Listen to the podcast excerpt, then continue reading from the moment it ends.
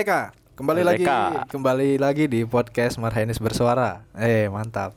Eh, ini starting line up-nya kita jelaskan dulu nih. Ini ada gua, ada Jack, ada Bung Barki lagi Barki, pesan dengan saya Bung Zen. ada Guzezen, dan saya Bung Ferdi. ada Ferdi. Nah, ini gimana ya? Ini minggu-minggu lagi kongres ya di GMNI. Iya nih Bung Fari lagi yang Bung Fari yang biasa banyak omong itu Iya. di di di podcast podcast sebelumnya Ya, dia lagi? Banyak banyak itu yang ada isinya ada isinya Takut. yang ada Ya. isinya dia lagi pergi ke Ambon mudah-mudahan kita doakan ya eh, semoga mereka sukses gitu dan membawa kepentingan DPC Gemini Tangsel dengan sukses Eh, amin, mantap. amin. itu kemarin amin, waktu di amin. grup yang Marhainis Tangsel tuh gue lihat ada kayak itu kan yang jual pin banyak gitu tuh. iya tuh Tuh gue Iya. juga pengen sih sebenarnya nitip tuh. Ya udah enggak dia enggak dia enggak dia enggak beli, dia enggak beli. Yakin gua 100% Bung Fahri enggak bakal beli itu.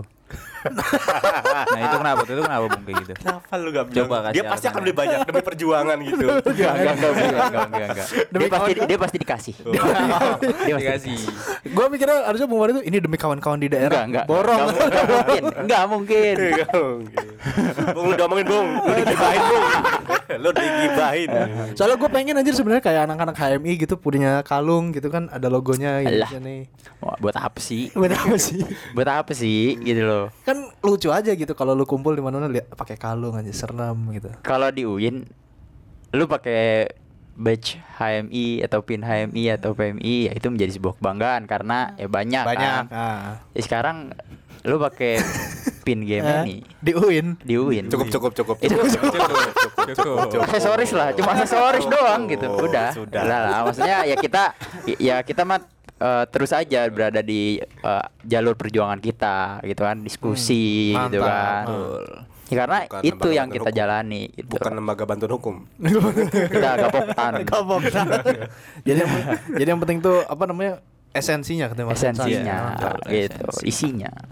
Nah ini eh, jadi agak serius lagi nih Nah, Karena podcast ini tujuan adalah notulensi diskusi mingguan kita gitu. Oke. Dan kebetulan kita nih hari apa nih sekarang kita rekaman? Hari Rabu, Kamis, Kamis. Hari Kamis, hari Kamis. Nah ini jadi pas banget kemarin kita diskusi, nah sekarang langsung di podcastin. Nah eh, mungkin langsung aja apa namanya kita diskusi tentang Islam Sontoloyo Iya. yang ditulis Bung Karno tahun 1940. Nah waktu itu eh apa namanya pemantiknya itu Kita datengin. Kita datengin sekarang. Kita datengin. Alhamdulillah. Datang mantiknya. Ada Untuk pertama kalinya. Untuk pertama Pertama kalinya. Dia juga senyum-senyum nih. Senyum-senyum. Kelompok senyum-senyum. Kelompok Kelompok Senyum. senyum-senyum. Artinya kelompok bahagia dengan adanya podcast. Iya. Yeay. Bung Cendol lagi-lagi dulu dah ini. Tolong didengar. Tolong ditandain kalau bisa diulang-ulang. Bung Cendol jarang dengerin podcast kita anjir. Oh, jarang. Jarang. Dia dia nggak download Spotify. Iya dia Oh, iya. dia gak punya Spotify. Hmm, jangan udah cukup. Cukup. Cukup. Cukup. Bisa sumbing lu pada. Nah, mungkin langsung aja nih Per. Islam Santoloyo itu gambarannya kayak gimana sih sebenarnya tulisannya tuh?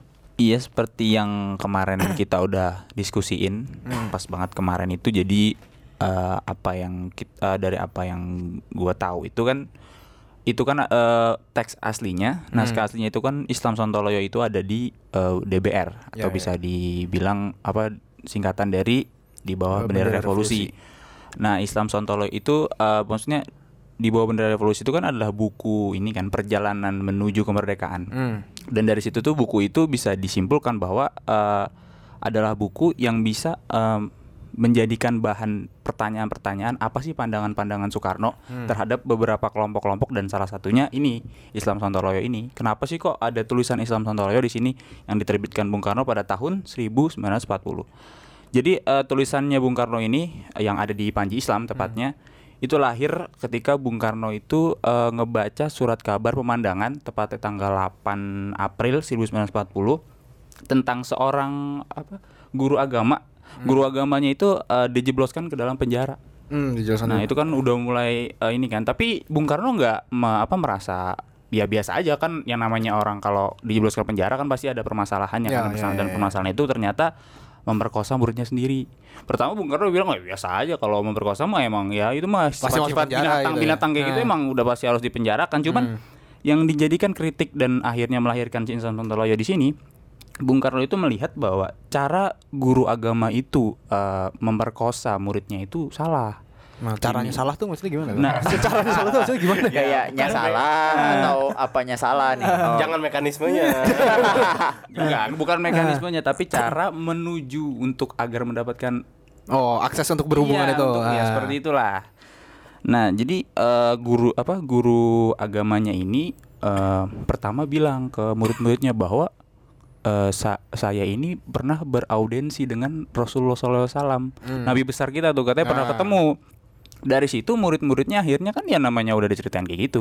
Apalagi yang bilang guru agamanya sendiri kan, ustadz lah bahasanya gitu iya, kan. iya. Ustadz tuh bilang gitu kan akhirnya murid-murid ini menjadi tertarik dan pengen belajar uh, lebih uh, ber- apa dengan Bung Karno eh dengan sorry dengan guru agama itu ya udah akhirnya uh, murid-murid itu jadi pengen belajar cuman uh, guru agamanya itu bilang kalau misalkan emang mau belajar kalau yang laki-laki sih nggak masalah ketemu langsung sama uh, guru besarnya ini cuman kalau orang-orang apa uh, anak-anak perempuan itu kan uh, nggak boleh saling tatap-tatapan katanya gitu Iya, iya. nggak boleh saling uh, pandang-pandangan satu sama lain nah caranya gimana harus disalalin dulu Harus dihalalin dulu. Nah, cara halalnya ini yang dikritik lagi sama Bung Karno. Jadi katanya kan eh, di situ kalau misalkan ada anak perempuan nih yang jadi muridnya udah nikah sama anak eh, muridnya juga yang laki-laki harus ditalak tiga.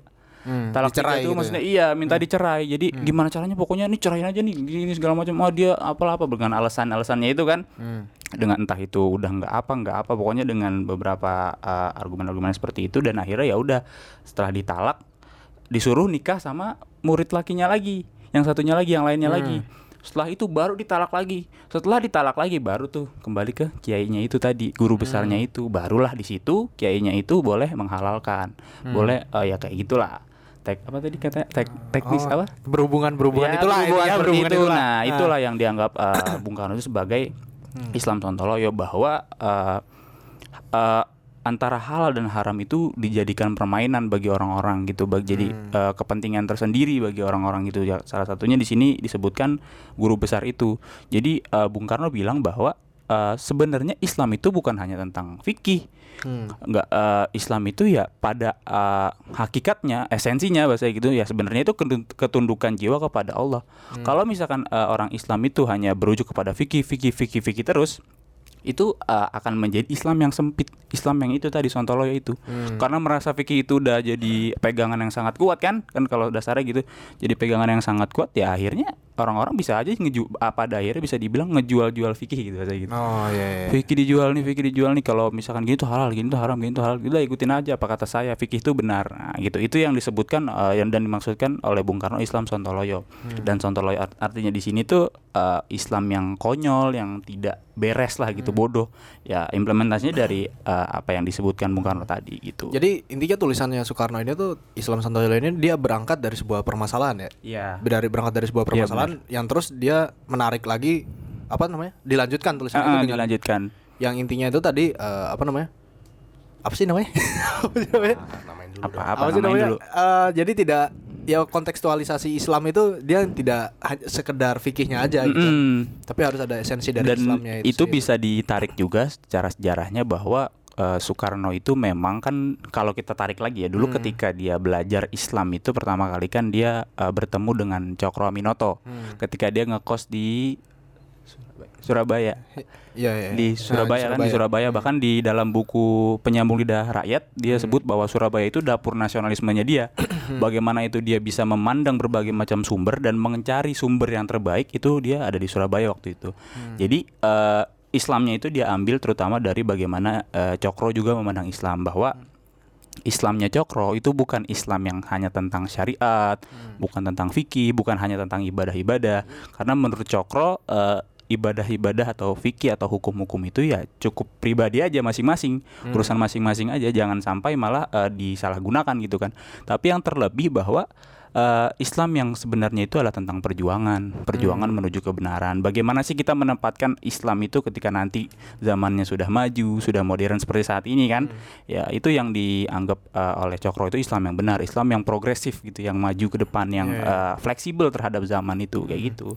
Iya sih, kalau misalkan ditarik dari apa namanya sejarahnya itu kan emang tentang pemikiran Islamnya Soekarno kan memang sangat ini apa namanya Ya mungkin memang itu mungkin ada pertanyaan waktu diskusi kan ada dari Bung Zidan itu Ya, dari benar. dari mana eh, Soekarno itu bisa mengetahui Islam gitu. Ya. Ya karena Soekarno satu dia dari Cokro terus yang kedua begitu dia lulus dari ITB Mm-mm. sempat jadi guru di Muhammadiyah. Ya benar. Terus juga waktu di penjara Bancai segala Hmm. macamnya itu buku politik dilarang masuk. Iya, akhirnya dia belajar- Hmm. menggunakan uh, agak apa buku-buku agama terutama agama Islam. Dia Nah. mengkaji Al-Qur'an lebih dalam. Nah, gitu. Itu. Nah, mungkin ini nih pendapatnya dari Gus Ezen nih yang kita tunggu-tunggu. Memang yang kemarin menjelaskan Islamnya apa? Islamnya Soekarno itu dari zaman Nabi Adam itu. Itu Iya. jadi trending itu sebenarnya. Tarikannya jauh banget. Tarikannya Jauh banget nariknya. Jauh banget nariknya. Tapi memang begitulah. Kira-kira kalau Bung Zezen memandang tulisannya Soekarno ini bagaimana, Bung? ya untuk pendapat pribadi saja Hmm. ya. Yang lain jangan ikut. Takutnya saya banyak umat bahaya. Kultus. Ya, itu takut gak boleh. Siap. Siap, betul betul. Karenanya ini hanya sebatas analisa dan pendapat pribadi dan tentu ini adalah salah satu bentuk argumen saya. Jadi yang paling menarik dari ungkapan Islam Sontoloyo adalah apa dibalik keinginan Bung Karno menyampaikan kata Sontoloyo itu sendiri, ya kan? Sebenarnya beberapa waktu yang lalu presiden kita Bapak Jokowi pun sempat kembali Menggunakan kata-kata itu. kata Sontoloyo Ya. dan menjadi viral ya Sontoloyo sebenarnya adalah kata yang biasa saja tapi ketika diungkapkan oleh sosok yang memiliki posisi strategi- strategis mestilah akan memberikan dampak yang luas juga kan macam itu Hmm. Nah, kata Sontoloyo sendiri tadi sudah sedikit disinggung oleh Bung Ferdi ya. Adalah tidak beres, ya kan begitu ya. Mm, Betul. Ketidakberesan ini dalam arti adalah ketidakberesan logika ataupun cacat pikir kalau Yes, saya cacat katakan logik. ya. Cacat logik ataupun dungu. Kedunguan tersebut muncul dari mana? Ya kan? Kedunguan tersebut ternyata muncul dari ketidakmampuan seseorang untuk memahami konstruksi pemikiran Islam itu sendiri. Nah, ini yang jadi bahaya. Kalau dalam konteksnya Bung Karno, di situ tadi sudah dijelaskan Bung Ferdi juga ada salah satu tokoh pengajar ya, yang kemudian ya katakanlah dikatakan sebagai memerkosa muridnya dengan paham agamanya ya dengan paham agamanya yang keliru yaitu mencoba untuk menggunakan fikih sebagai apa ya alat pembenaran dia untuk mengawini muridnya tersebut kan semacam itu. Di sini bagaimana fikih yang sifatnya sebenarnya adalah suatu hukum yang formal ya. Ini ternyata kehilangan maknanya kehilangan ruhnya. Semacam itu ya. Kalau kita mengkaji kembali ke keislamannya ya kita kembali ke keislaman maka fikih itu hanya salah satu dari beberapa tiang yang ada dalam ajaran Islam ya. Fikih adalah salah satu bagian dari syariat ya kan dan dalam Islam tentu syariat adalah salah satu dari bagian tiga ajaran yaitu syariat, tarikat dan hakikat kan macam itu. Jadi seharusnya kita tidak boleh begitu saja untuk melakukan sesuatu hanya berdasarkan nilai-nilai fikih. Tapi juga harus diresapi dengan nilai-nilai spiritualitasnya yaitu dari nilai-nilai tarikat ataupun hakikatnya. Ataupun lebih mudahnya paling tidak diiringi dengan nilai-nilai moral. Kalau dalam kasus yang disampaikan Bung Karno dalam artikelnya ya, itu di sana ada suatu adalah sesuatu kejadian yang amoral sebenarnya sesuatu yang amoral. Bagaimana bisa seorang guru memaksa secara tidak langsung ya kan kepada suami dari calon istri yang akan dia nikahi untuk mentalak tiga. Itu kan amoral. Itu salah adalah sesuatu yang sifatnya paksaan. Padahal Islam tidak mengajarkan hal semacam itu kan. Islam itu menghargai hak masing-masing kan. Hak masing-masing umat Islam bahkan hak umat manusia. Mestinya seorang istri itu adalah hak dari suaminya. Ya kan semacam itu. Tapi hak suaminya ternyata di di apa ya katakan dikorupsi oleh gurunya sehingga harus diceraikan kan semacam itu. Ya itu adalah salah satu kegagalan. Contoh kegagalan seorang pengajar tidak mampu memahami konstruksi pemikiran Islam yang seharusnya Islam itu dibangun di atas beberapa tiang semacam itu dan dari sinilah yang menjadi kekhawatiran Bung Karno ketika orang begitu saja menggunakan fikih tanpa diimbangi dengan ajaran-ajaran Islam yang lain nanti justru akan merusak nama Islam itu sendiri justru. Dan lebih jauh lagi justru akan merusak peradaban manusia sebenarnya. Karena bagaimanapun fikih adalah sesuatu yang dibentuk oleh suatu pemikiran yang memang pemikiran itu adalah diupayakan untuk menjaga kebudayaan ataupun peradaban manusia itu sendiri tapi ketika ternyata teks fikih itu tidak mampu dipahami rohnya justru akan membentur peradaban itu sendiri dan itu sangat berbahaya Hmm, ya. ya. Eh, mungkin waktu itu juga ada pertanyaan di tempatnya diskusi itu apa namanya tentang eh apakah yang dilakukan oleh Soekarno ini dengan kritiknya untuk apa si guru ini itu dengan menulis artikel mengkritik itu apakah ini termasuk gerakan puritanism? Nah, itu. Nih itu pertanyaan anda Tanya Iya, Anda, pertanyaan saya. Tapi kan teman-teman pendengar semua juga Oh, harus iya, mendengar iya. gitu. Tapi akhirnya ditanya lagi kan? Iya, ditanya lagi di sini biar teman-teman mendengar. maksudnya Anda bertanya, apakah ini termasuk gerakan puritanisme? Ditanya lagi sama pemantiknya. Ya kalau gimana kalau menurut Ya Bung ini? tahu saya. Nah, Bung gimana sih? Serahkan ke pemantik lah. Gimana gimana? Atau berdua nih? Terserah siapa yang duluan. Diem gimana? Iya. Gimana? ya udah ya kata puritan sebenarnya puritan itu berarti kan pemurnian Ya, pemurnian. pemurnian itu kalau saya lihat Hmm. kadang saya harus benar-benar membagi puritan itu ya walaupun mungkin belum ada literasi yang mengatakan puritanisme itu ya harus dibagi tapi saya memandang dari kata murni itu sendiri murni itu memiliki dua arah kalau saya artikan ya murni secara lahiriah ataupun murni secara batiniah ya kalau saya katakan macam itu kan Nah, dalam realita, dalam sejarah ya, dalam sejarah Islam historis, ya, dalam sejarah Islam historis, lucu kan? Islam historis, Gimana sih? Iya, Islam historis. dalam Islam historis ya, bukan Islam sebagai ajaran. dalam Islam seja- seja- sebagai historis, memang sudah banyak apa ya kemunculan kelompok-kelompok puritanisme. Jadi kelompok-kelompok yang berupaya untuk memurnikan kembali ajaran Islam dari hal-hal yang bisa merusak Islam itu sendiri ataupun dari hal-hal yang bertentangan dengan ajaran Islam. Itu makna awalnya semacam itu ya. Nah, tapi kelompok-kelompok ini ternyata ada yang diwakili oleh kelompok-kelompok yang pemahamannya tekstualis. ya. Hmm, Kebanyakan kaum puritan seperti itu Nah, gitu ya. kebanyakan. Nah, ini saya katakan makanya tadi saya bagi ternyata dalam perjalanan sejarah kelompok puritan lebih banyak diwakili oleh kelompok-kelompok yang tekstualis.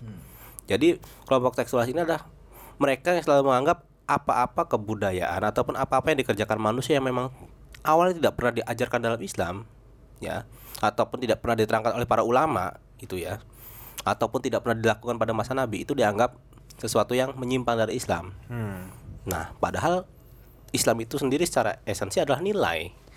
Yang menjadi masalah mereka tidak memahami Islam itu sebenarnya adalah suatu nilai. Dan tentu keadaan Islam pada awal kemunculannya di bawah Nabi Muhammad, Islam sendiri adalah suatu nilai yang mengakomodasi kebudayaan Arab. Kita tahu ya dalam ritual haji itu ada yang namanya apa namanya? sa'i ya. Sai. sa'i kemudian tawaf berkeliling itu adalah suatu awal dari kebudayaan non muslim bukan non muslim kebudayaan Arab. Arab terlebih dahulu ya orang-orang yang terlebih dahulu tapi Islam kemudian hadir menghargai budaya tersebut kemudian memasukkan nilai-nilai Islam itu sendiri dalam budaya tersebut sehingga menjadi salah satu ajaran kan semacam itu begitu pun yang terjadi dalam perkembangan atau penyebaran Islam di Indonesia di Nusantara ya tepatnya di Nusantara. Ketika para wali songo dota- datang ya. Wali songo begitu apresiatif terhadap kebudayaan yang sudah ada di Nusantara. Dan wali songo melihat bahwasanya kebudayaan tersebut bukanlah sesuatu yang harus dihilangkan. Bahkan kebudayaan tersebut mampu menjadi kendaraan agar Islam itu bisa berjalan lebih lancar dalam merambah Nusantara kan semacam itu. Nah akhirnya kebudayaan yang memang awalnya banyak nilai-nilai non Islam tapi mampu diakomodasi oleh Wali Songo dengan nilai-nilai keislaman dan akhirnya masyarakat Nusantara pada waktu itu dengan mudahnya menerima ajaran Islam karena ternyata Islam datang dengan tidak menghilangkan karakter budaya masyarakat yang ingin didatangi tapi justru mengapresiasi dan bahkan memberikan penyempurnaan itulah. Hmm, ya kayak gitu ya. Jadi, nah kelompok yang saya sebutkan yang kedua tadi seperti Wali Songo dan awal kehadiran Islam itulah bentuk puritanisme yang sesungguhnya dalam arti memurnikan ajaran Islam secara batin agar sesuai dengan nilai-nilai Islam itu sendiri. bukan pemurnian sifatnya hanya ritualistik belaka, bukan. Hmm, ya. ya. Berarti ini nyambung sama apa yang Soekarno bilang mungkin ya waktu Yang- itu kan yang gimana tuh? eh, yang Islam itu Islam keindonesiaan. Oh, ya ya. Ya kan? Tadi kan Bung Jajan bilang bahwa ketika Islam itu datang ke Indonesia, itu Hmm. nggak ngubah budayanya, tapi justru menjadi apa? eh, agar Islam itu mempunyai apa tadi? Apa? Ya coraknya maksudnya memperbaiki bahkan mungkin mem- eh, memperbaharui budaya-budaya itu. Jadi kalau misalkan emang ada yang salah mungkin gitu di di, di apa diberitahu dan akhirnya dibenarkan. Kalau menurut saya sih analoginya ke situ. Ini kalau menurut Bung Barki gimana? Bung, gimana? Ya mungkin ingin nambahkan ya, Iya, iya. nambahkan tadi. Dalam satu literasi menyatakan bahwa sebenarnya Wali Songo itu eh kenapa bangsa Indonesia itu gampang menerima Wali Songo gitu. Nah. Kenapa bangsa Indonesia gampang menerima Wali Songo? Orang Indonesia seperti kita tahu ya dari zaman dulu sampai zaman sekarang juga percaya sama yang namanya ramalan. Hmm. Ya kan? Klinik ramalan. Iya, kalau hal klinik itu udah menjadi hal biasa gitu. Contoh kan kayak kiamat 2012 percaya. Iya benar benar. Itu itu itu itu fakta itu. Rame, sumpah. Gue suka juga gue juga nonton filmnya Mas. gua, gua jumatan gua, gua tumben gitu jumatan waktu waktu waktu waktu 2012 nih woi eh, kiamat 2012 tanggal segini rame masjid sumpah Gue masih ingat tuh tanggal kalau nggak salah 21 Desember 2012. iya. Iya, itu rame loh masjid rame Itu bukan 212 kan? maaf Maaf. Maaf, Mohon maaf, mohon izin. jadi dalam sebuah eh, teks gitu literatur menyatakan bahwa sebenarnya orang- orang-orang Indonesia itu menunggu Hmm. nah, menunggu adanya sebuah agama baru No. itu berdasarkan pada eh, ramalan ramalan. saya lupa lagi ramalan Apa? Jayabaya. Jayabaya atau siapa gitu. Hmm. Saya lupa bahwa menyatakan bahwa ada apa bahwa ras kulit putih gitu akan Hmm, digantikan iya, iya. oleh ras kulit kuning dan bahkan ada akan ada eh, ajaran baru, ajaran baru Hmm. yang datang ke Indonesia. Nah, orang-orang Indonesia itu dalam ramal percaya banget sama ramalan. Hmm. Percaya banget. Wah, nih ada akhirnya datang ke Islam kan yang oleh Wali Songo misalnya di Jawa itu langsung wah jadi nggak usah Wali Songo ik- ikut ke bangsa Indonesia. Iya, iya. tapi bangsa Indonesia sendiri yang ngasih kebudayaannya ke Wali Songo. Nih lu mau eh, nyebarin apa ajaran lu? Nih pakai budaya gua. Oh, pakai wayang kulit pakai ini. Jadi Iya, benar. itulah Indonesia. Percaya terhadap hal-hal ramalan. Kalau mau terkenal buatlah ramalan Benar, ramalan. Makanya dulu waktu yang ini juga ketik rek spasi ini Nah, banyak itu, yang ini kan. banyak yang Itu itu Iya. itu Tahu ramalan. pulsa gua habis. yang mendapat SMS 2000 mau potong. Goblok. sabar sabar bung Gue sabar soalnya Bung. pernah. Gue soalnya pernah. Itu emang kacau. Nah ini mungkin akan jadi menarik kalau misalkan kita tarik eh, isunya apa namanya Islam Sontoloyo ini ke konteks yang sekarang gitu ya. Nah mungkin juga kalau misalkan, oh sebelum ke situ mungkin sebelum ke situ eh, lagi-lagi ke Bung Barki nih karena Bung Barki mungkin lebih apa jam terbangnya lebih tinggi gitu. Mana. Eh, sebenarnya tuh gimana sih Bung? Apa namanya? Kalau misalkan kita dulu udah membahas tentang yang nasionalisme, Islamisme dan Marxisme, sekarang terus juga Islam Santoloyo gitu. Ini tuh apakah karena kita anak UIN gitu, jadi membahasnya seperti ini, atau mungkin gimana? Atau apa sih? Apa ya pemikiran Soekarno tentang Islam itu secara garis besar tuh kurang lebihnya kayak gimana sih emangnya? Ya kayak gini jadi Kelar udah. ya gimana ya maksudnya Ya udah, udah selesai. Loh. Kelar. Ya, Saya kayak gini loh Udah selesai itu Eh, kayak gitu. pembahasan Islam gitu bukan apa sebenarnya tulisan Soekarno tentang Islam Sontoloyo ini punya dimensi visioner yang lebih eh, jauh dari itu gitu Hmm. jadi sebenarnya da- kalau misalnya saya ambil maknanya gitu makna dari tulisan ini sebenarnya bukan ditunjukkan hanya untuk agama Islam Hmm. tapi lebih jauh dari itu dia eh, mewanti-wanti kepada semua eh, masyarakat Indonesia yang beragama banyak agama banyak suku itu jangan seperti itu Hmm. tapi yang disoroti kebetulan itu adalah umat Islam sebagai mayoritas Dan ada kasusnya juga. ada kasusnya kasusnya. juga Hmm. tapi lebih jauh dari itu Soekarno mewanti-wanti ini umat Kristen misalnya umat Islam umat Hindu itu jangan seperti itu gitu Hmm. jangan menghalalkan suatu perbuatan yang jelek dengan agama, dengan bungkus agama gitu. Iya, iya. Seperti yang Mengatasnamakan viral, agama. Atas seperti yang viral belakangan ini gitu. Apaan sih? Jualan agama tuh laku, boy. Oh iya iya. iya. Laku sekarang jualan agama. Seribu, seribu, Nah, seribu, seribu, seribu. seribu. Iya, maksudnya Kopi. itu da- dari tulisan itu kita bisa ngambil makna yang lebih dalam gitu. Karena saya seorang sufi gitu. Seorang sufi, seorang asket, asketis duniawi. Asketis duniawi. Jadi Iya, iya. itu maksud saya. Itu menurut penafsiran pribadi ya, menurut Hmm. pribadi bahwa tulisan Soekarno ini punya dimensi visioner yang luar biasa menurut saya. Hmm. Mewanti-wanti agar rakyat Indonesia dalam bertuhan, dalam dalam beragama itu jangan lupakan berkebudayaannya. Berkebudayaan. Makanya Soekarno itu dalam Pancasila ini berketuhanan yang Berkebudayaan. berkebudayaan. Tapi ini berarti termasuk ini juga gak sih? Eh, waktu itu tuh gue pernah dengar jadi dari salah satu kalau nggak salah dosen UIN Jogja dia tuh bilang tafsir Quran itu kalau mau kita tafsirkan tuh kurang lebih ada tiga cara kata dia tuh. Yang pertama tafsirnya yang tekstualis, terus yang moderat, terus yang progresif kata dia.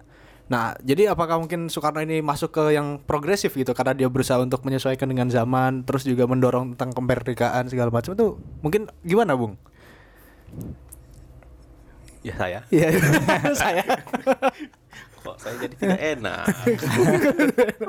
antum ini Aduh, Aduh, antum akhi jangan antum begitu ya. antum antum klub. ya emang aduh betul ya. Hmm. Cara penafsiran itu memiliki beberapa bentuk ya. Hmm. Ada penafsiran yang tekstualis. Hmm. Kalau bahasa bahasa istilah ilmu tafsirnya tafsir bil maksur mungkin ya. Hmm. Itu bahasa Arabnya begitulah. Ya begitulah. oh ya gitu lah Ya, Sepakat. Oh, udah ada tafsir bil ya. Hmm. Tafsir bil itu tafsir dengan rasio lebih apa ya lebih dominan. Hmm. Tapi bukan berarti apa kita berpaling dari teks bukan. Nah, semacam itu ya. Jadi tafsir bil ra'yi ya bisa kita lihat itu sebagai tafsir yang visioner ya, tafsir yang progresif ya. Jadi kalau moderat itu dalam artian tidak terlalu mendominasi akal, tidak terlalu menjadikan akal sebagai sesuatu yang dominan ataupun menjadikan teks lebih dominan dibanding akal, tapi tidak Hmm.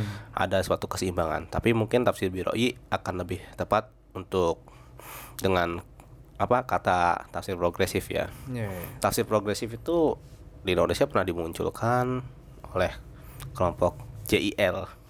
Jil. Jil, JIL. Gue gue tadi disebut JIL bingung apa ya? Oh Jil, oh tahu. Bukan JBL ya. jadi sound anjir JBL ya Islam liberal. Hmm. Ya. Dan kelompok jalan Islam liberal itu tentu dalam apa ya konstelasi pemikiran Islam di Indonesia cukup cukup besar pengaruhnya ya.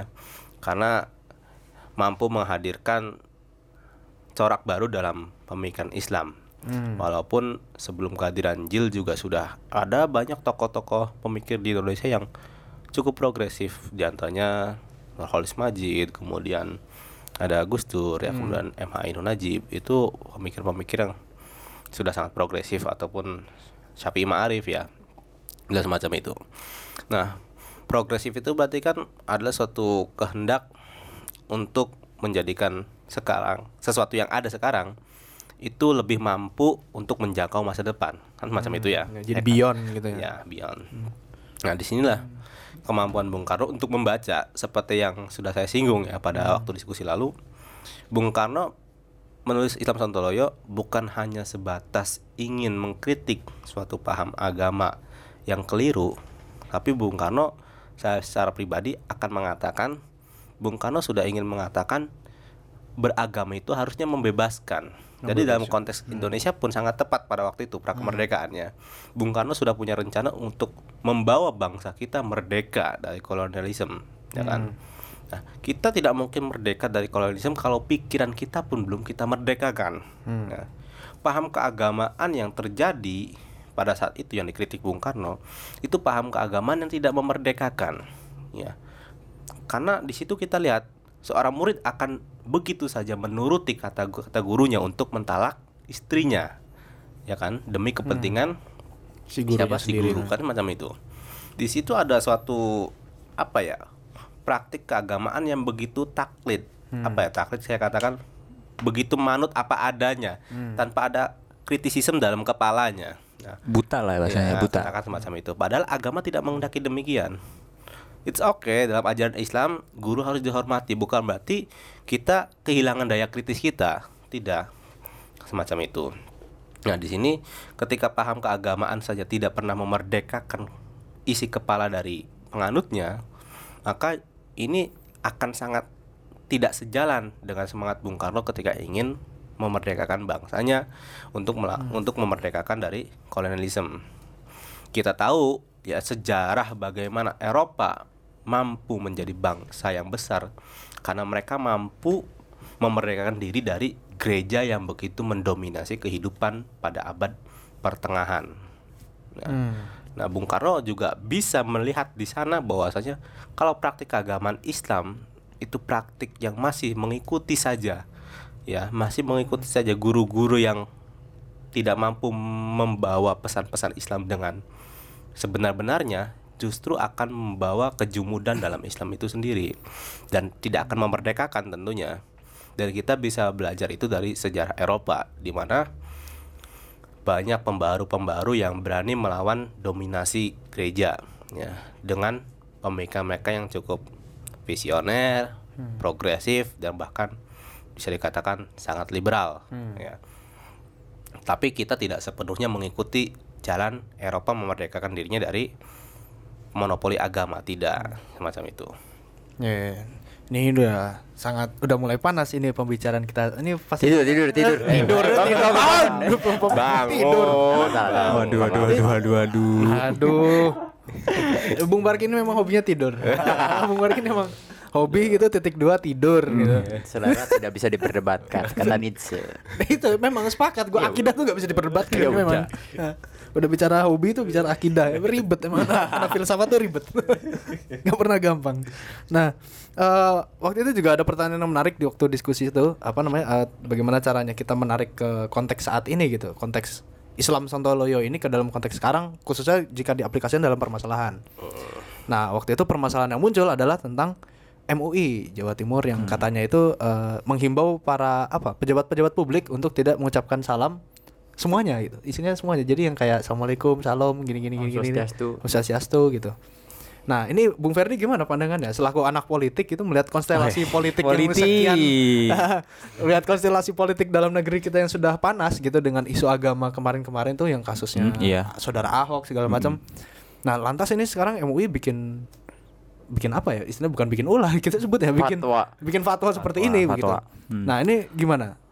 Yang pasti kan eh, bahkan kalau kita kembali ke buku lagi nih ya, buku yang tadi nih kita balik aja lagi kan ya, Yoi, maksudnya biar harus. tetap nggak jauh-jauh lah dari apa yang ini. Bung Karno tuh juga menyebutkan bilang eh, bahwa eh, dia memperingatkan nih ke seluruh rakyat bahwa yang baca eh, tulisannya itu bahwa kalau misalkan emang ada sesuatu hukum yang keluar, jangan sampai buta. Dalam arti gini, ketika ada memang keputusan ataupun tadi dibilang apa fatwa atau apa pun itu, coba tolong dipahami lebih dalam. Ataupun misalkan kalau misalkan emang mau eh, ada eh, pemahaman yang lebih ya cari tahu maksudnya ini kenapa. Sebab akibatnya itu apa? Nalar Kan gitu. kritis Heeh. ada gitu ya. Jangan sampai ketika keluar hal-hal yang seperti itu, uh, fatwa ataupun itu walaupun kemarin kan saya juga bilang kalau misalkan emang walaupun itu dari orang-orang besar bahasa gitu kan Iya, ya, iya, iya. jagoan-jagoannya di sana yang mengatakan seperti itu ya jangan sampai kita telan mentah-mentah aja gitu. Hmm. Dan, uh, kita lihat juga konsepnya sekarang kita lagi seperti apa. Hmm. Kita kan banyak beragam budaya apa maksudnya agamanya di Indonesia itu kan beragam dan toleransi pun harus dijunjung tinggi kan gitu. Hmm.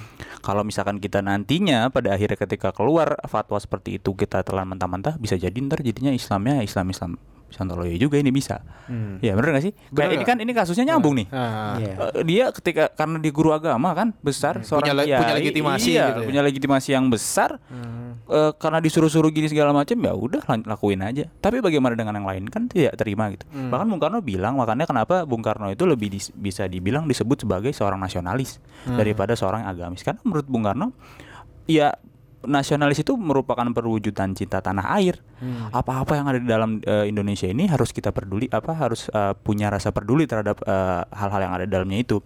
Dan eh, kita harus bersedia untuk meninggalkan kepentingan-kepentingan sempit. Eh, gitu d- demi mewujudkan kepentingan-kepentingan bangsa maksudnya kepentingan-kepentingan besar gitu. Agama-agama lain tuh gimana? Karena kan juga kalau misalkan ditarik lagi agama Islam kan sebagai rahmat ya, rahmat bagi semesta alam.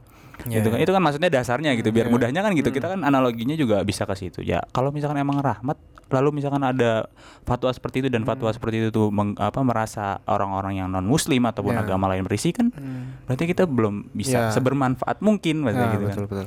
Itu sih Ini kalau malah bahasannya bisa masuk ke ini ya, Bung. Apa namanya? Relasi kuasa ya. Maksudnya tulisannya dari Soekarno ini kan dia ngangkat sebuah isu tentang orang yang punya legitimasi sebagai guru agama.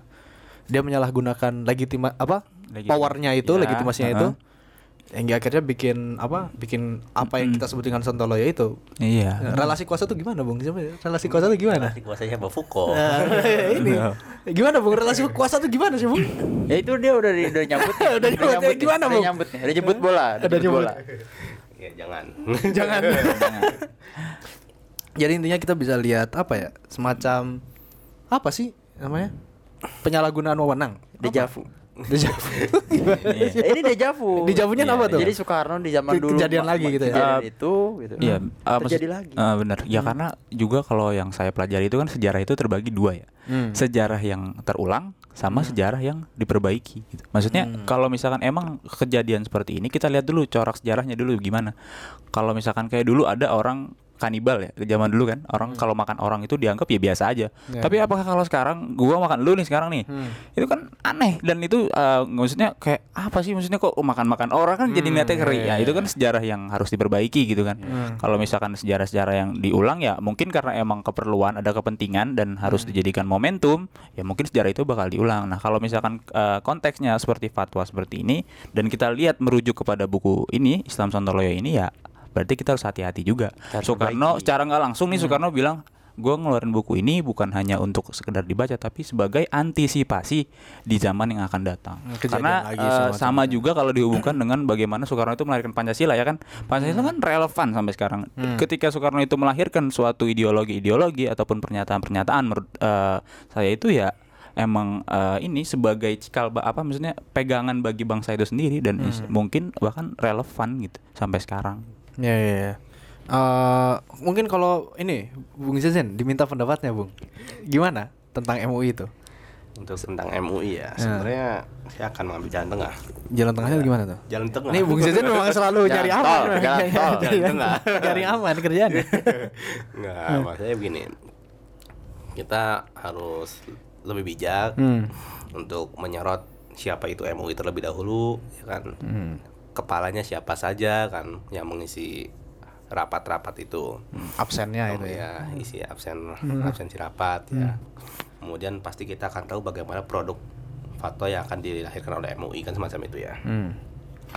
Tapi secara garis besar ya, secara garis besar memang dalam Islam kita tahu ya ada tiga ya tadi kan ada syariat, tarikat dan hakikat dalam syariat salah satunya adalah akidah ya.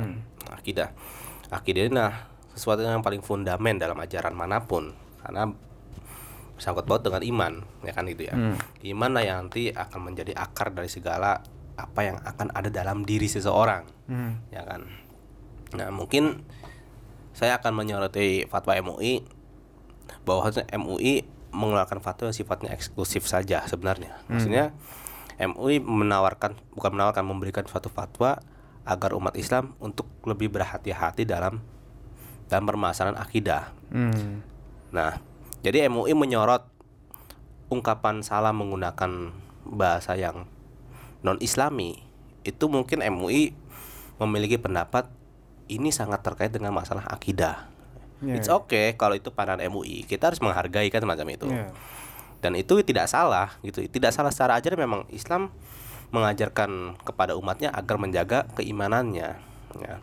Tapi MUI pun nggak boleh menganggap bahwasanya ungkapan salam yang non Islami itu akan membawa dampak akidah tidak boleh juga ya Nggak semerta-merta Nah, gitu. serta merta merta sih gue jadi bingung deh ikut omongan lu Iya gila.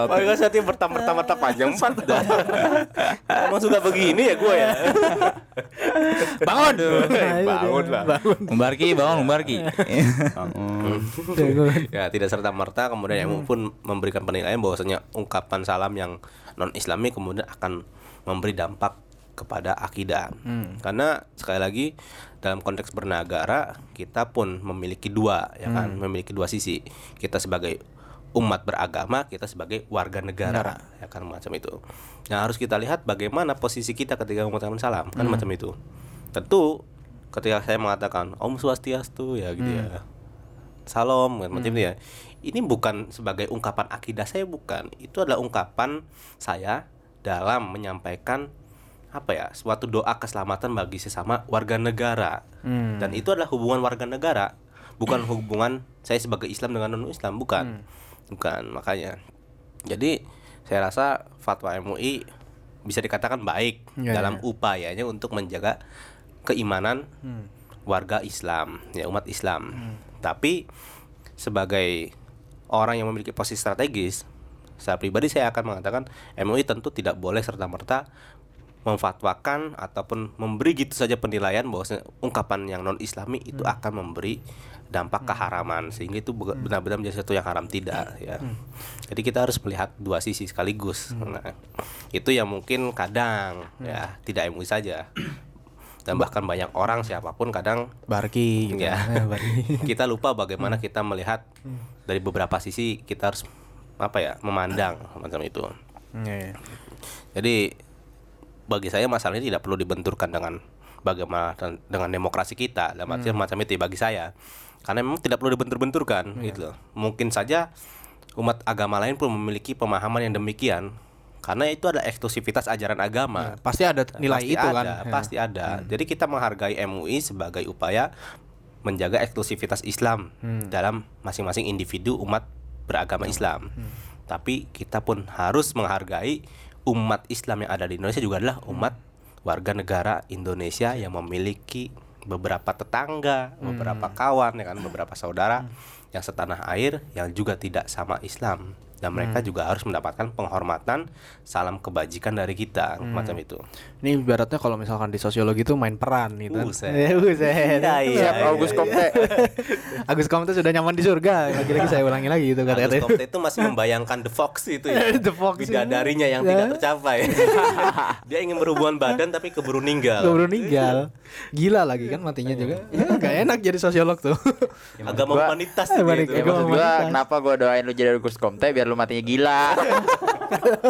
Tapi maksudnya gini apa kalau ini kan ibaratnya kan peran tadi itu kan apa kita selaku individu kan pasti ada banyak identitas yang sebenarnya nempel di dalam Nah. tubuh kita gitu.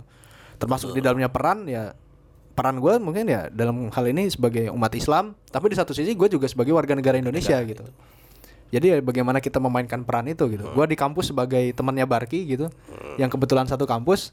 Kalau ya di rumah gue sebagai anaknya nyokap gua gitu. Wah itu dia. Nah, itu dia. Posisi lu di bawah dia.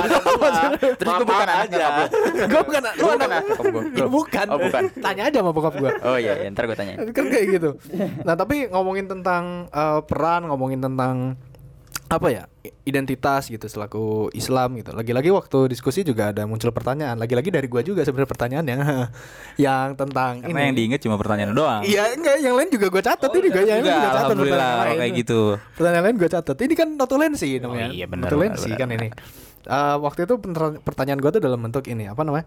Eh, mengapa eh, Islam itu harus mengikuti eh, keadaan atau kultur budaya yang ada di Indonesia gitu kan? Kan Soekarno menyebutkan ketuhanan yang berkebudayaan gitu. Dalam pidatonya eh, Soekarno bilang jadi orang Islam jangan jadi orang Arab gitu. Eh, jadi orang Kristen janganlah jadi orang Yahudi ja- dan jadi orang Hindu jangan jadi orang India gitu. Nah, lantas di sini waktu diskusi kemarin gitu, gue kan uh, mengeluarkan sebuah pertanyaan gitu. Ini tuh uh, Soekarno dalam maksudnya beliau itu mengungkapkan statement itu, statement ini tuh maksudnya apa gitu? Apakah satu untuk menjaga eksistensi Islam di tanah Indonesia atau yang yang lain ya itu untuk menjaga eksistensi orang Indonesia yang pengen beragama Islam gitu. Karena seperti kita ketahui sebelum agama eh, Islam, Hindu, Buddha itu masuk ke Indonesia, itu juga sebenarnya sudah ada agama sendiri di Indonesia gitu, agama yang asli di Indonesia gitu. Nah, Bung Barki, tanggapannya gimana, Bung, tentang ini statement atau pertanyaan saya ini? Apa pertanyaannya? Lah, ngulang lagi ya. Aduh, gimana? Bangun, bangun, bangun. Mana ini? Lu nyuruh orang bangun lu ya nggak bangun. Ya. kurang gorengan. Ferdi aja Ferdi. Ferdi. Ferdi belum ngomong dari tadi. Bung Ferdi. Dari gimana? tadi belum ngomong. Oke, ngomong. nggak apa-apa. Nggak apa-apa. Eh, jadi kalau misalkan dibilang eh, apa eksistensi at- eh, untuk Islam sendiri ataupun eksistensi kepada apa tadi? Orang yang ingin orang beragama yang Islam. ingin beragama Islam ya sebenarnya ya tadi itu kan. Maksudnya eh, Soekarno itu bilang berketuhanan dan berkebudayaan itu. Soekarno di sini eh, emang yang pernah yang saya kemarin jelasin juga dia itu kan eklektik ya. Eklektik dia itu memilih yang terbaik dari berbagai sumber. Jadi dia itu eh, beliau ini emang orang yang suka mencari perbandingan. Hmm. Eh, ketika ada sebuah pernyat eh, pertanyaan itu dia balik nanya lagi nanya lagi nanya lagi nanya lagi biar semakin banyak perbandingan dia. Jadi kalau misalkan tadi ada dua perbandingan dia ngambil di tengah-tengahnya aja. Bagaimana ya Islam ini bisa eksis dan yang orang yang masuk Islam pun jadi semakin ya ada keinginan gitu. Ah. Eh, dan tapi yang lebih dan terlebihnya itu maksudnya itu eh, Soekarno itu emang lebih apa ya Islamnya itu kan tadi dari awal saya juga bilang dia itu nggak terlalu fokus sama hal-hal yang eh, bersifat kayak hukum ataupun Iya, iya. syariat-syariat dia itu lebih ke yang substantif maksudnya itu nyata gitu Hmm. keadaan zaman sekarang tuh kayak gimana sih maksudnya gitu Indonesia itu seperti apa sekarang nah, Nah. di situlah is- eh, Islam harus mengambil kesempatan momentumnya di situ gitu Hmm. jadi Soekarno itu mau bukan ya kalau misalnya dibilang eksis ya dengan hal-hal seperti itu bisa eksis dan dengan ke, ke- keeksisan itu orang-orang non muslim atau agama lain bisa mencontoh gitu. Bukan berarti hanya sekedar ah biar orang-orang masuk Islam enggak. Ya, Ya kebebasan tetap uh, diberikan cuman bagaimana sih nyontoh uh, Islam itu sebagai contoh yang baik aja. Kalau menurut pandangan saya sih seperti itu gitu. Nah. Jadi benar-benar emang uh, enggak uh, semata-mata ah yang ini ya ini aja, ini ya ini aja. Jadi jalan tengahnya apa sih gitu kan. Nah, iya. Itu aja sih kalau menurut saya. Nah ini Bung Jajan gimana? Udah gregetan kayaknya pengen ngomong ini. Udah Iya. siap-siap mic-nya ditaruh Udah. di mulut gitu. itu kalau gerak dikit aja Udah ada pertanda. sudah langsung ditafsir. Semiotiknya berjalan, tuh semiotik berjalan. Jadi saya harus mati supaya tidak ditafsiri kayaknya. Tidur aja tidur. Gimana Bung Jajan? Tanggapannya? Kalau ini kan karena memang sifatnya interpretasi atas ungkapan Bung Karno ya. Hmm. Kemudian kita juga harus melihat posisi Bung Karno. Saya punya pendapat lain. Hmm. Jadi Bung Karno itu kan sebagai pemimpin ya saya katakan waktu itu sudah menjadi pemimpin ya walaupun Iya, belum resmi ya. Hmm. Jadi sudah sebagai satu pemimpin yang memiliki banyak masa. Masa beliau tidak hanya Islam tentu. Ya kan? Masa beliau tidak hanya Islam, masa beliau ya ada dari umat Nasrani, ya kan, umat Katolik atau Protestan ya. Dan bahkan umat Hindu, umat Buddha dan lain macam sebagainya karena memang Islam begitu. Dia Islam apa? Indonesia begitu multi ya, multi agama. Nah, di sini kita harus melihat posisi Bung Karno semacam itu terlebih dahulu. Mungkin tidak Bung Karno dalam pidatonya ingin mendorong salah satu ajaran atau salah satu agama saja tidak, saya rasa. Ya kan?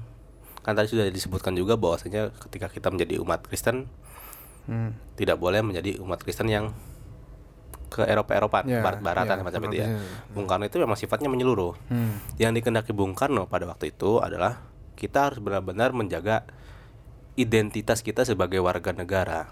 Hmm. Saya ingin menyoroti Bung Karno sebagai sosok nasionalis, beliau menghendaki status kita sebagai warga negara adalah status yang paling utama. Hmm. Itu. Ya kan?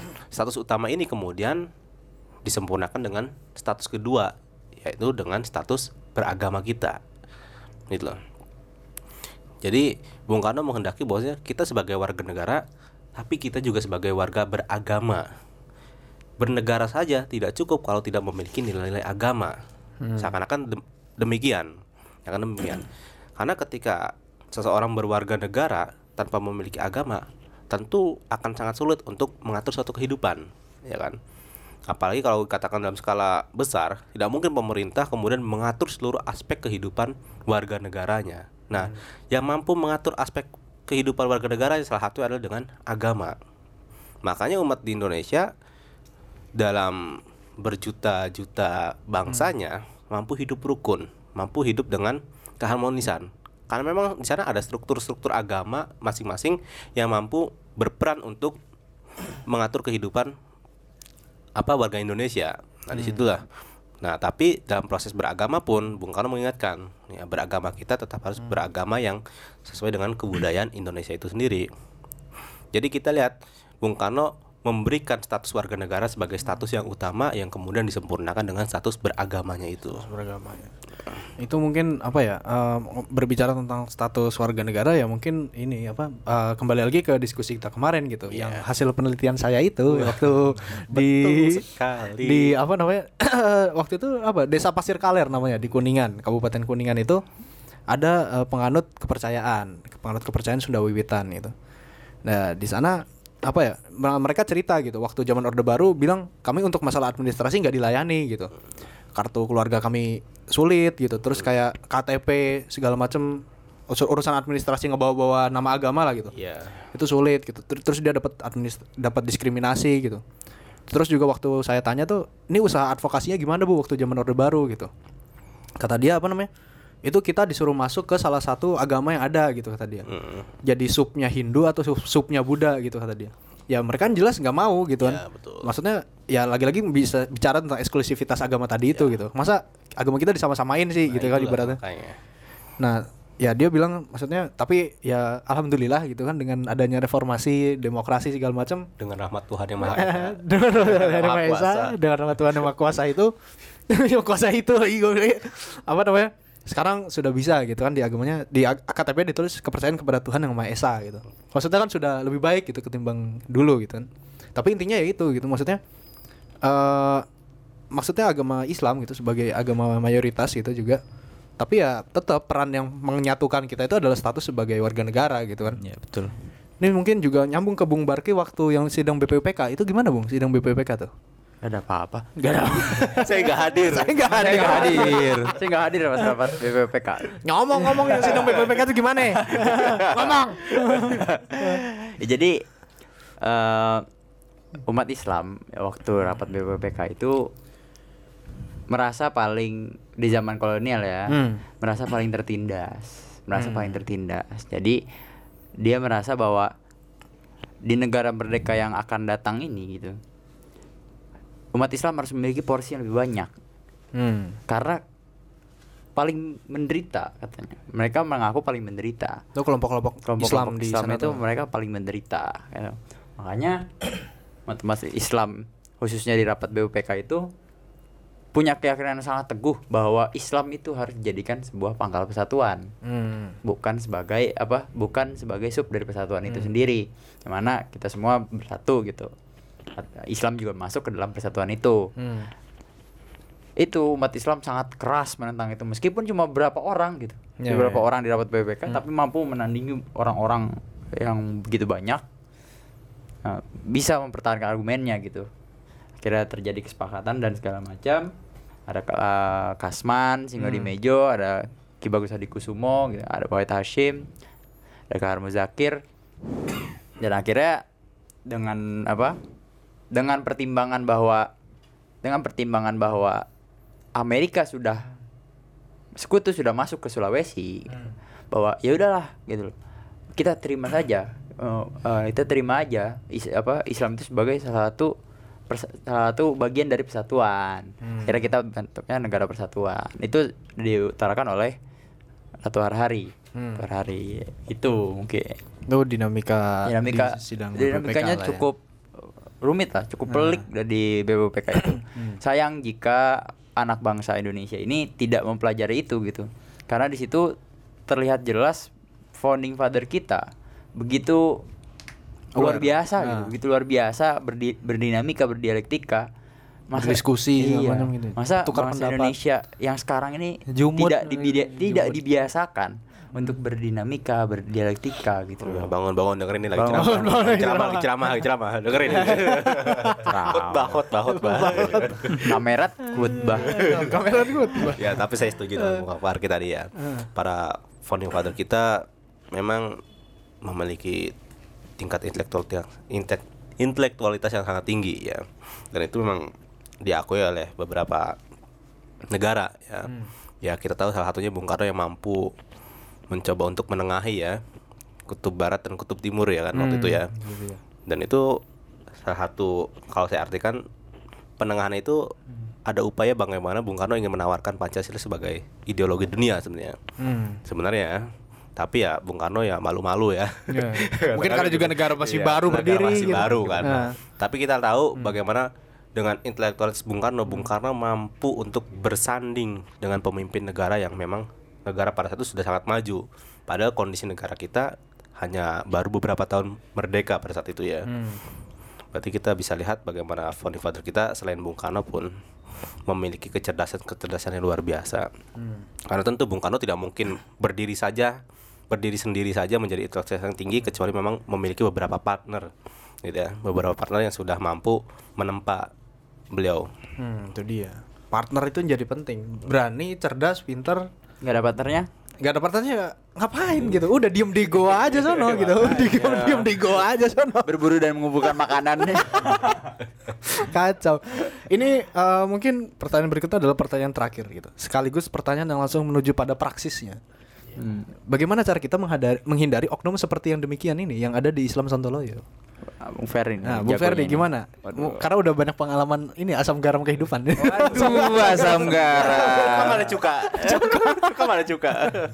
gimana Bung cara kita Iya. menghindari maksudnya dalam konteks sekarang gitu. Mm-mm. Ini oknum-oknum yang seperti Soekarno kritik gitu di bagian Iya. awal dari Islam Sontoloyo ini. Islam-Islam yang konyol lah bahasa Nah, gitu ya. Kebli kalau Soekarno biasanya bilang apa sih? Keblinger ya? Keblinger. Jadi jangan jadi jiwa yang keblinger gitu kan dia kalau ngomong. Kalau di pidatonya iya memang eh, maksudnya ini kan eh, makanya tadi kenapa dikatakan juga sama eh, contohnya bisa maksudnya kalau bisa kita contohkan itu seperti fatwa tadi ataupun beberapa ya nggak cuma fatwa aja lah apa pun itu hukumnya entah itu udah keluar dari negara itu sendiri ataupun itu dari agama Islam itu sendiri agama-agama lainnya jangan sampai ditelan mentah-mentah Hmm. tetap eh, kritis terhadap apa-apa yang dipaparkan gitu. Misalkan kita dapat berita kayak gini, apalagi kan zaman sekarang sosial media kan kita Hoax, lihat hoax itu itu ya. bener-bener banyak banget dan itu menjadi penyakit dan salahnya juga Indonesia itu sangat mudah termakan sama hal-hal yang seperti itu kan gitu ya.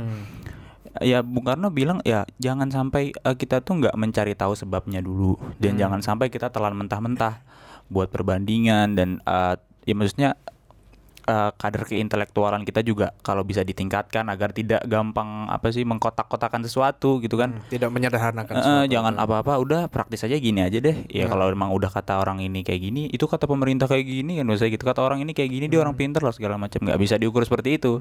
Pada hakikatnya ya kembali kepada diri sendiri. Kita harus menjaga ya bagaimana cara menjaganya ya dari intelektual itu gitu. Hmm, dari jiwa kritisism. itu Iya dia. benar. Jadi Soekarno tuh eh, ya maksudnya kalau misalkan mau disimpelkannya lagi ya Soekarno mau bangsanya ini kritis lah terhadap apa pun itu. Karena kan sadar dengan ideologi Pancasila yang menerima berbagai macam pemikiran-pemikiran, gagasan-gagasan. Di situ juga eh, walaupun bisa dibilang toleransi oke lah, itu menghargai tetap. Tapi biar bagaimanapun kita juga harus hati-hati terhadap apa pun yang diberikan. Gitu. Kita terbuka terhadap segala sesuatu, tapi kita juga punya identitas dan prinsip. Iya, gitu. kita Nah, harus pinter ngolah Nah, gitu itu bahasanya dia. gitu kan. Maksudnya eh, bahkan eh, ada salah satu artikel yang menyebutkan bahwa kenapa Pancasila itu ada kan eh, karena mungkin melihat keadaan geopolitik Indonesia itu sendiri. Hmm. Indonesia itu kan eh, terdiri dari banyak apa laut-lautan gitu kan dan tanahnya pun tanah vulkanik yang subur.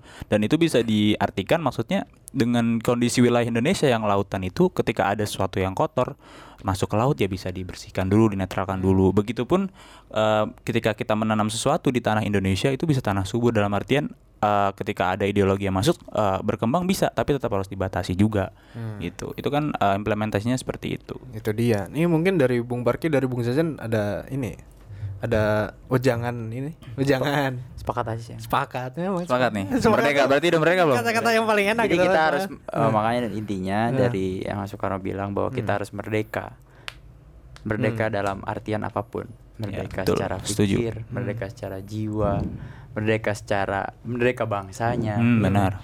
itu yang ada di Indonesia Raya yang tiga stanza itu Nah. merdeka jiwanya Nah, merdeka itu dia. bangsa nah bener tuh Nah, Merdeka itu. hatinya ini. merdeka Hmm, hatinya harus hati itu merdeka sampai dibunyiin dong tiga Besok jadi lagu wajib ya. iya Jadi waktu- sekarang saya udah nemuin banyak gitu SD SD itu Hmm. SMP itu udah nyanyi Indonesia Tiga Raya tiga stanza, stanza. Nah, Stanza. bagus Nah, itu bagus, karena bagus, pesannya cukup dalam itu di dalam stanza yang ke- Iya. lain itu luar biasa Hmm, Ini dari Bung Zazen kira-kira gimana? Ini closing statement.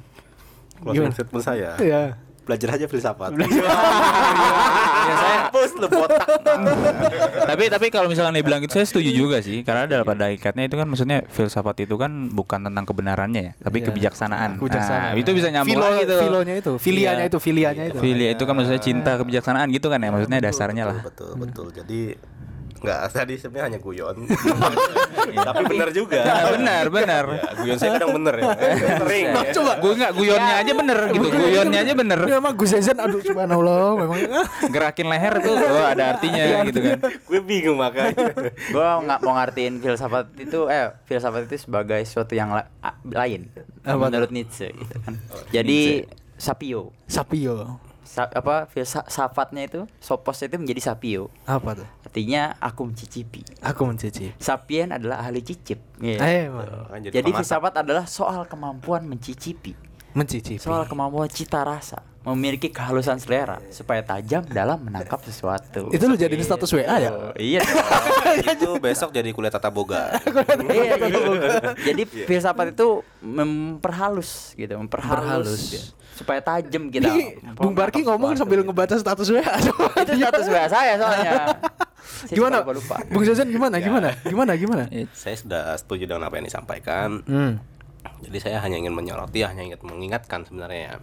Sekali lagi dalam kehadirannya Islam itu memang diciptakan untuk manusia agar manusia lebih manusiawi. Hmm. Agar manusia itu mampu merdeka.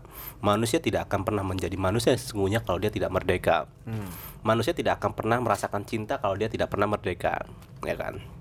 Nah, dari sini kita tahu bahwasanya ketika Islam ternyata tidak mampu menghadirkan kemerdekaan entah kemerdekaan yang sifatnya kolektif ya untuk semua manusia maksudnya antara hubungan manusia dengan manusia ataupun untuk hal yang bersifat personal maka kita bisa melihat itu bukanlah bagian dari ajaran Islam Hmm. jadi kemerdekaan kemerdekaan yang memanusiawikan manusia itulah salah satu inti dari ajaran Islam. Jadi saya hanya mengingatkan ya.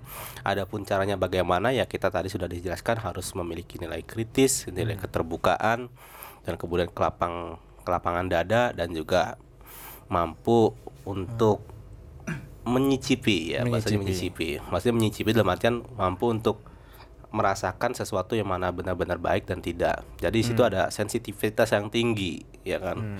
Kita bisa mencicipi sesuatu kalau kita memang memiliki sensitivitas. Nah, sensitivitas itu nanti dibangun di atas nilai-nilai Islam itu sendiri. Semacam itu saja. Nah, ini uh, mungkin uh, sekian dulu gitu ya podcast dari kita selaku sebagai notulensi dari diskusi kita kemarin gitu.